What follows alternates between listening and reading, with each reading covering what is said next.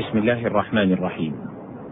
الحمد لله رب العالمين وصلى الله وسلم وبارك على نبينا محمد وعلى آله وصحبه أجمعين. أيها المستمعون الكرام السلام عليكم ورحمة الله وبركاته. أحييكم تحية طيبة في مطلع هذا اللقاء وأسأل الله سبحانه وتعالى أن ينفع به من تكلم فيه واستمع إليه وانتفع به. حديثنا هذا اليوم في مادة الذال والراء والواو. قال الله سبحانه وتعالى في سورة الكهف: تذروه الرياح، أي ترفعه وتفرقه. وأذرته الريح تذروه ذروا، وذرته تذريه ذريا. وأذرته تذرية، لغات بمعنى. وقيل بل معنى أذرته ألقته، يقال أذريته عن فرسه ألقيته من عليها. وأصل ذلك من الرفع ومنه ذروة الجبل وذروته أعلاه.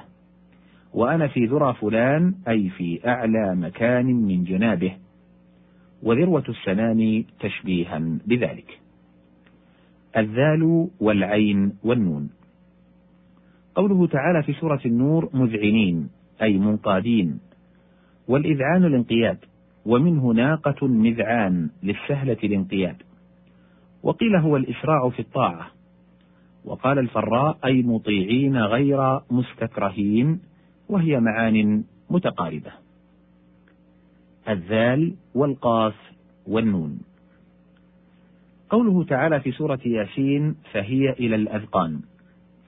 الأذقان جمع ذقن والذقن ملتقى اللحيين. وعليها تنبت اللحية. وذقنته ضربت ذقنه. وناقة ذقون تستعين بذقنها في سيرها ودلو ذقون ضخمة حائلة تشبيها بذلك. وقالت عائشة رضي الله عنها مات النبي عليه الصلاة والسلام بين حاقنتي وذاقنتي قيل هي الذقن وقيل هي طرف الحلقوم. وهو أقرب لقولها في آخر بين سحري ونحري. فقولها نحري يقوي الثاني. وذقن الرجل على يده أي وضع يده على ذقنه الذال والكاف والراء. قوله تعالى في سورة العنكبوت ولذكر الله أكبر قيل هو التسبيح والتهليل ونحوه. وقيل بل هو الكلام في العلم كقولك هذا حلال وهذا حرام. وقيل معناه ولذكر الله عبده أكبر من ذكر العبد ربه. وقوله تعالى وإنه لذكر لك ولقومك أي شرفك وشرفهم. وذلك أنه نزل بلغتهم. وتشريفه لك أكبر من حيث نزل عليك خصوصا. ولذلك أفرده عنهم. وقوله كتابا فيه ذكركم يجوز أن يكون من هذا أي فيه شرفكم على غيركم ويجوز أن يراد بذكركم ما تذكرون به. وقوله فاسألوا أهل الذكر أي أهل العلم من كل أمة. وقيل أهل القرآن وقيل أهل الكتب القديمة يعني ممن آمن. وقوله قد أنزل الله إليكم ذكرى رسولا فالذكر هنا محمد صلى الله عليه وسلم. جعله نفس الذكر مبالغة أو على حذف مضاف وعبر عن البعث بالإنزال تشريفا له فيكون رسولا بدلا من ذكر. أو قيل الذكر هو وصفه عليه الصلاة والسلام من حيث إنه مبشر به ومذكور في الكتب القديمة. وهذا كما جعلت الكلمة وصف عيسى من حيث إنه وجد بها من غير واسطة أب كما هو المتعارف.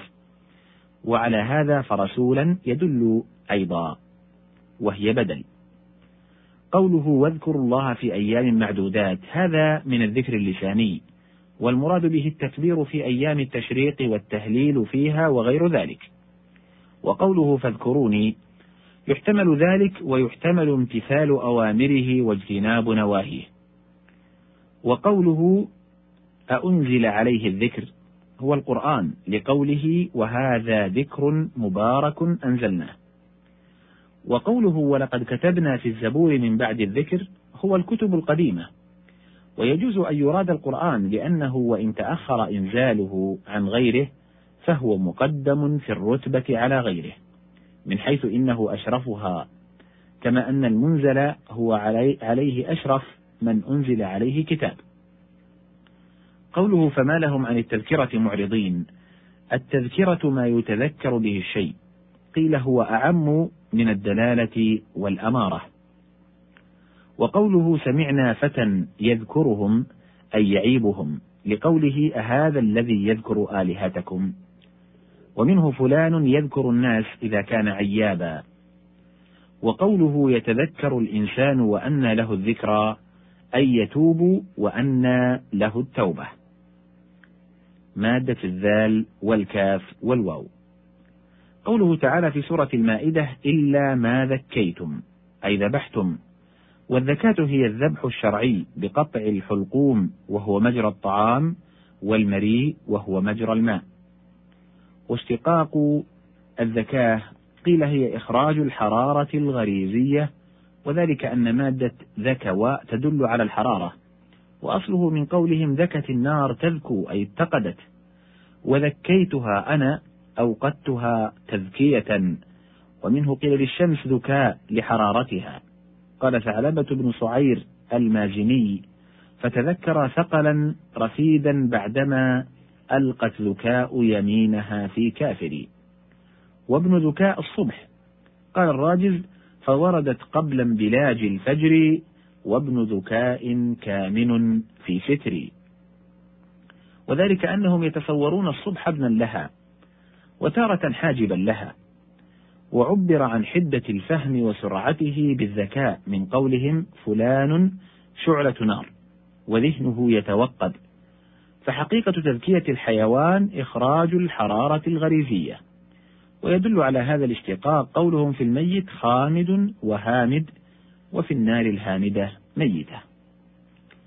الذال واللام واللام. قوله تعالى في سورة الإسراء واخفض لهما جناح الذل من الرحمة. الذل بالضم ضد العز. والمعنى تواضع لهما وكل والديك ذليلا. وقيل الذل ما كان على قهر. ذل يذل ذلا والمعنى كن كالمقهور لهما. والذل بالكسر ضد الصعوبة وهو الطواعية والانقياد. وقيل هو ما لم يكن عن قهر بل عن تأب وشماس وقد قرئ جناح الذل والمعنى لن لهما ولا تصعب. يقال الذل والقل والذلة والقلة.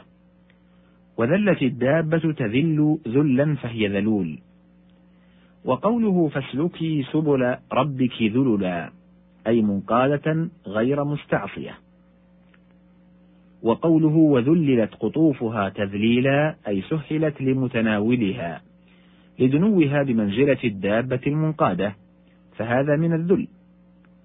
وقوله أذلة على المؤمنين أي لينين سهلين على إخوانهم من المؤمنين ولم يرد أنهم هينون عليهم ممتهنون عندهم بدليل مقابلته بقوله أعزة على الكافرين أي يغالبونهم ويعادونهم كقوله جاهد الكفار والمنافقين واغلظ عليهم.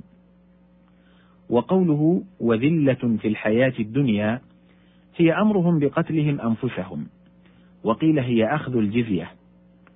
وقوله ولم يكن له ولي من الذل أي لم يتخذ وليا يحالفه ويعاونه لذلة. وكانت العرب تحالف بعضها بعضا لتعتز به. وقوله وذللت قطوفها تذليلا قال أبو بكر أصلحت وقربت.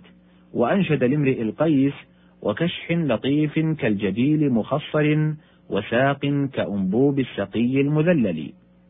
وقال ابن عرفة مكنت فلم تمتنع. على طالب يقال لكل مطيع غير ممتنع ذليل من الناس ومن غيرهم. وذلول وفي الحديث رب عزق مذلل لأبي الدحداح. قال الأزهري تذليل العذوق أنها إذا خرجت من كوافيرها التي تغطيها عمد إليها الآبر فيسهلها ويذللها بإخراجها من بين السلاء والجريد فيسهل قطافها عند إيناعها. وقال مجاهد معنى الآية إن قام ارتفع إليه القطف. وإن قعد تدلى إليه وهذا قريب المعنى من قوله قطوفها دانية وقولهم الأمور تجري على أذلالها أي على مسالكها. هنا ينتهي الحديث عن هذه المادة وبه ينتهي حديثنا اليوم إلى لقاء مقبل إن أذن الله بذلك والسلام عليكم ورحمة الله وبركاته.